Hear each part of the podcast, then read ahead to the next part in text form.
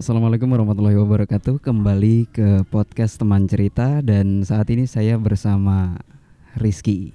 Ya, halo kak. Halo. Gimana kabarnya Riz? Alhamdulillah baik. Ngantuk nih, baru bangun. Baru. Wah, Rizky ini adalah salah satu temen yang sekaligus idola saya sih. Aduh, idola apa ya kak? Kalau di Banyuwangi kan memang siapa sih yang nggak kenal sama Rizky gitu kan? Ya, halo. Bahkan eh, Indonesia bahkan banyak ya Amin. Ya, orang-orang yang sudah mengenal Rizky. Ya, Ya, mungkin bisa diceritakan. eh, tapi kalau Rizky yang cerita nggak enak ya rasanya ya. jangan Biar aku lah. Terlalu panjang. Iya, iya, iya. Iya, Rizky adalah salah satu eh, pelukis. Yap. Bisa dikatakan seperti Ya, itu ya. Betul. Yang sering melukis sosok-sosok luar biasa yang datang ke Banyuwangi Ya, atau bahkan juga yang Rizky langsung ke sana. ya kadang eh, ketika pas lagi ada undangan, eh, mungkin beberapa udah ada stok gambar sekalian Rizky bawa. Barangkali ketika main ke Jakarta itu menemui beliau-beliau sekalian dikasih. gitu. Oke, keren dan luar biasa sudah ada di berapa stasiun televisi? Waduh. Sampai lupa. Sampai lupa ya. Nah, tapi intinya itu bahwa kenapa sampai bisa akhirnya melalang buana ke stasiun televisi karena memang ada yang spesial dari Rizky. Ya. Apa yaitu tuh? apa tuh? Apa-apa? Oh iya. Eh, pelukis tanpa jemari gitu ya, Riz ya? Yes, itu sebetulnya sebutan yang dibikin oleh salah satu stasiun TV yaitu waktu itu acaranya itu hitam putih. Oh, Oke. Itu hitam putih sih yang bikin brand pelukis tanpa jemari. Padahal sebetulnya Rizky dari dulu itu nggak pernah punya ide brand itu, tapi yang bikin brand televisi itu. Gitu. Oke, televisi itu membuat brand waktu itu kalau nggak salah tahun 2000 berapa itu ya? Itu undangannya itu 2019 Sebelum corona, sebelum pandemi. sebelum pandemi anu ya, istilahnya di Indonesia Ya, parah gitu ya. betul. Tapi saya mengenal Rizky sudah sangat lama dan Rizky sangat aktif di berbagai organisasi Ya, dulunya. betul, Kak. Doodle Art.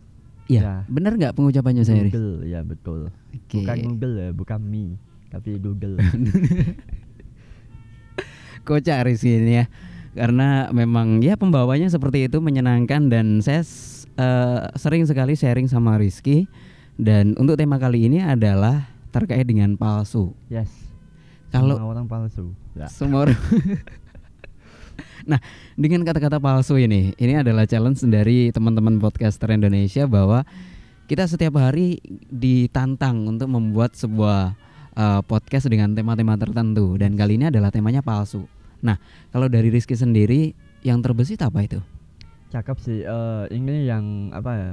Si podcast ini kan ngundang Rizky dengan tema palsu. Hmm. Tepat sekali sih dengan yang apa ya?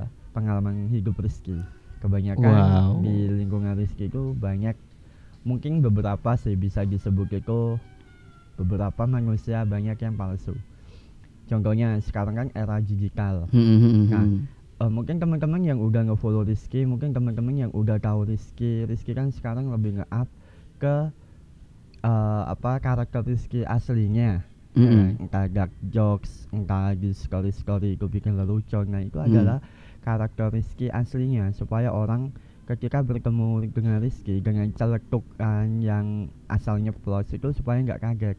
Hmm, Nah itu hmm, Rizky mau apa nge-branding diri Rizky sendiri entah di sosmed entah di aslinya itu bahwa Rizky aslinya seperti itu. Nah kalau di era sekarang kebanyakan manusia itu bikin hal palsu gitu kayak di sosmed dia menyata secakep mungkin entah cowok entah cewek terus storynya hmm. kayak Ah, ah, benar. dari foto apa foto ini lah foto itu lah dan lain sebagainya kalau menurut sudut pandang Rizky sih itu sekarang udah membudaya sih budaya palsu itu Karena Budaya sosmed. palsu ya. Hmm, hmm, hmm. nah karena sosmed muncullah budaya palsu dan pendatang baru yang main sosmed dan lain sebagainya Hmm, hmm, hmm. mereka malah ngikutin budaya palsu bukan ngikutin budaya dengan karakteristik seorang manusia tersebut.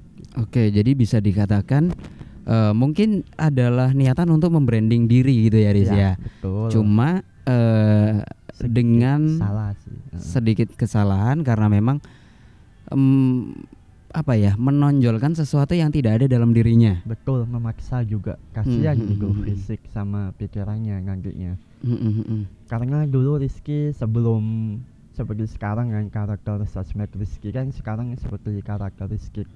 Rizky Apa adanya lah apa ya. adanya. Mm, mm, Nah dulu pas awal-awal ya memang Rizky uh, bukan ngepalsuin tapi dulu memang dengan karakter Rizky, Rizky sendiri cuma Mm, mm, beberapa ada yang Rizky jaga Mm, mm, kayak sedikit jaga image gitu itu uh, pengalaman Rizky itu malah bikin Rizky mood bingung mm, mm, mm, mm, mm. tidak puas tidak seluas tidak los tidak menguangkan semua karya dengan sebebas mungkin ah. karena uh, Rizky menjaga terus kemudian muncul itu hal palsu Kak- apa dengan hal palsu tersebut takut kan takut dihujat takut Mhm. dibilang jelek karyanya dan lain sebagainya dari situlah hal palsu tersebut mengikat tubuh kita dan muncullah down seperti mau Mhm. berkarya ah takut ah tidak diterima mau gini ah nanti kata si doi kayak gini mau gini Iya, si iya. circle mereka kayak gini Mm, mm, mm, nah itu mm. sebetulnya hal palsu yang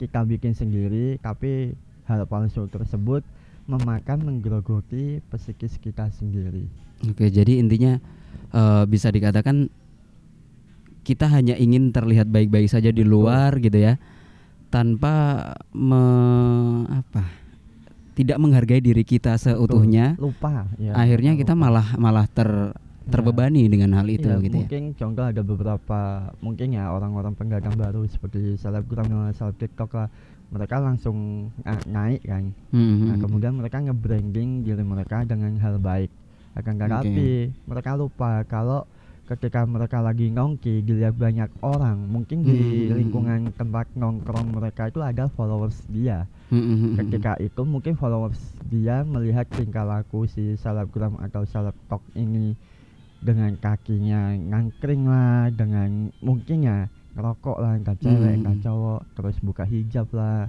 entah ya hal-hal yang tidak apa ya mengejuk hal yang mengejutkan yang tidak pernah dilihat di sosmednya gitu. Oke, ha, ha, saya si menangkap. followers itu akan kecewa dan mungkin kalau followersnya baik akan menahan.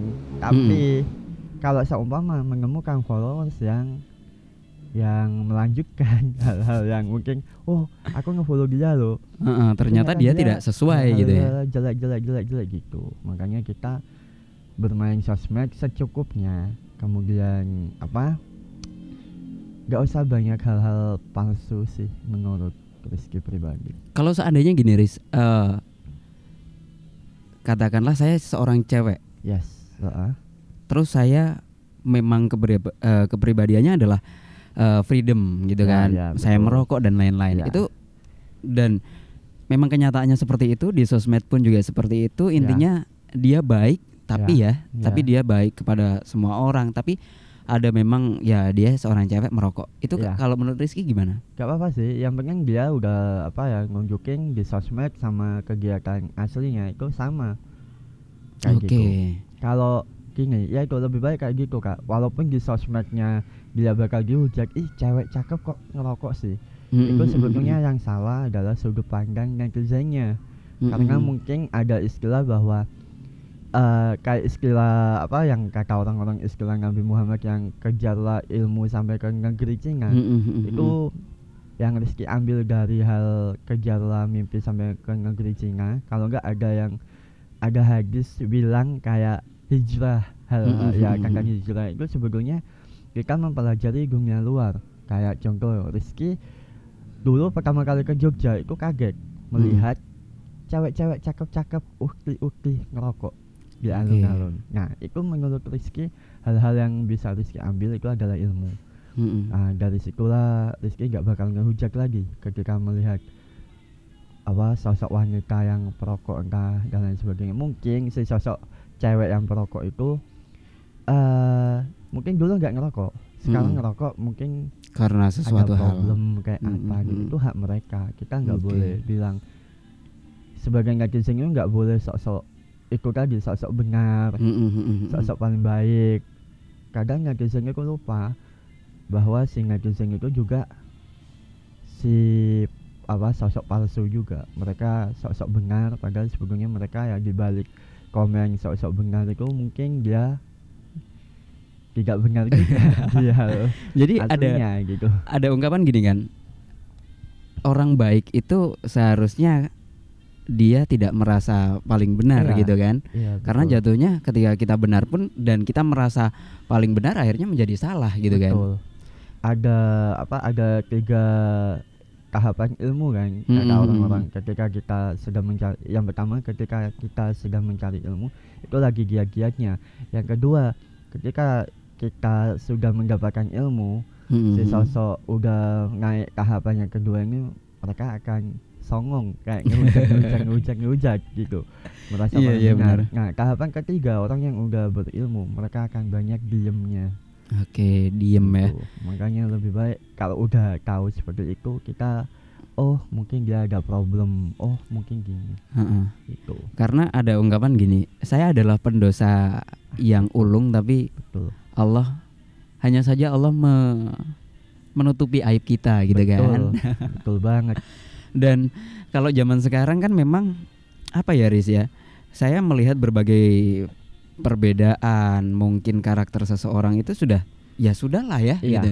Itu pilihan mereka gitu kan. betul Ketika tidak memang melanggar katakanlah sebuah norma dan lain sebagainya, kita tidak setuju, kita tidak mendukung, tapi kita tidak masalah. betul Iya kan? ya Karena memang itu hidup mereka gitu kan. ya betul ya seperti yang Rizky sering bilang di sosmed kayak Rizky kan sering bilang difabel difabel nah, Ah, itu sebetulnya berdasarkan dari difabel nah itu Oke. sebetulnya Rizky bukan ngehina difabel Mm-mm. Tapi Rizky sebetulnya bilang difabel itu adalah sindiran kepada orang-orang yang pemikirannya masih kurang Mm-mm. seperti itu.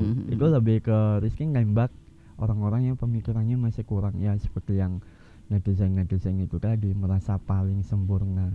Karena memang Kebalikannya kan difabel Ah, kan ah. dipandang orang kurang sempurna. Mm-mm. Kalau difabel menurut Rizky pribadi itu orang-orang yang sok sempurna. Makanya Rizky Sok sempurna, blank mm. difabel untuk orang-orang yang sok sempurna itu. Oke, dan ini sering sekali kita jumpai di Story. media sosial gitu ya. Iya. Karena memang saya dan Rizky sama-sama eh, cukup aktif di Iya. media sosial dan eh, melihat beberapa komen, Rizky juga memegang beberapa akun gitu kan. Iya, Nah, saya juga demikian. Ketika melihat komen-komen netizen yang luar biasa, betul sekali. kadang memang eh, antara geram tapi ya ya gimana gitu Iya, kan. Betul. Mm. Karena memang banyak sekali orang yang kalau dulu mungkin mereka berucap ya melalui orasi, kalau sekarang bisa berucap melalui jari jemari gitu ya. Betul. Kadang jari jemari sama otak sama hati itu beda. Ketika Nah, hati itu. pengen nulis gini, kemudian turun eh ketika otak mau nulis gini, kemudian turun ke hati. Nah, ketika hati mau bilang tulis gini, turun ke tangan. Kadang jarinya itu nggak nggak kontras sama hati dan otaknya itu sering. Tiba-tiba menghujat gitu Iya, ya. Betul. Karena di Banyuwangi juga sering gitu kan. Kayak kemarin ada yang sempat kita ciduk Iya. salah satu netizen yang komen musrik eh, menyebarkan bunga di laut Ya, waktu ada betul, itu banyak banyak. kejadian-kejadian seperti itu dan ternyata kita kita cari sedemikian rupa dan sampai TNI pun juga meres- eh, merespon itu dan mencari anaknya gitu kan Iya. setelah diciduk ternyata ya belum Mungkin masih bocil pikirannya. belum jangkep gitu ya Iya, betul. karena memang semakin kita ber eh, apa ya semakin kita dewasa akan semakin kita mengerti dan bisa memahami bahwa kita nggak perlu kok menjadi semuanya sama Betul. Nggak perlu. Seperti ada perbedaan-perbedaan dan itu wajar gitu Iya, ya betul.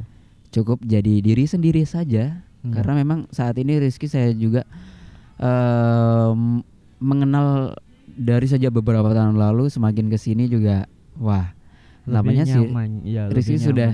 Enjoy dengan dirinya enjoy. Kalau dulu kan masih sering di kemak umum kayak aduh aku kok gini ya. Kadang mikir Wah, aku udah punya nama nih aku harus jaga image nah itu hal-hal palsu yang pengen aku tunjukin itu Waktu dulu ya? dulu pengen Hmm. oh aku diajak foto orang-orang kayak gini nah sekarang ketika karakter Rizky aslinya Rizky keluarin maka orang-orang lebih menerima kayak kocakan-kocakan Rizky hal-hal Mm, mm, konyol mm, mm. sering kak kayak di jalan gitu kadang bocil-bocil. Sekarang malah lebih ketemu Rizky biasanya mereka takut pegang tangan Rizky. Sekarang oh ini yang di TikTok ya kak salaman dulu yuk. Salaman salaman salaman.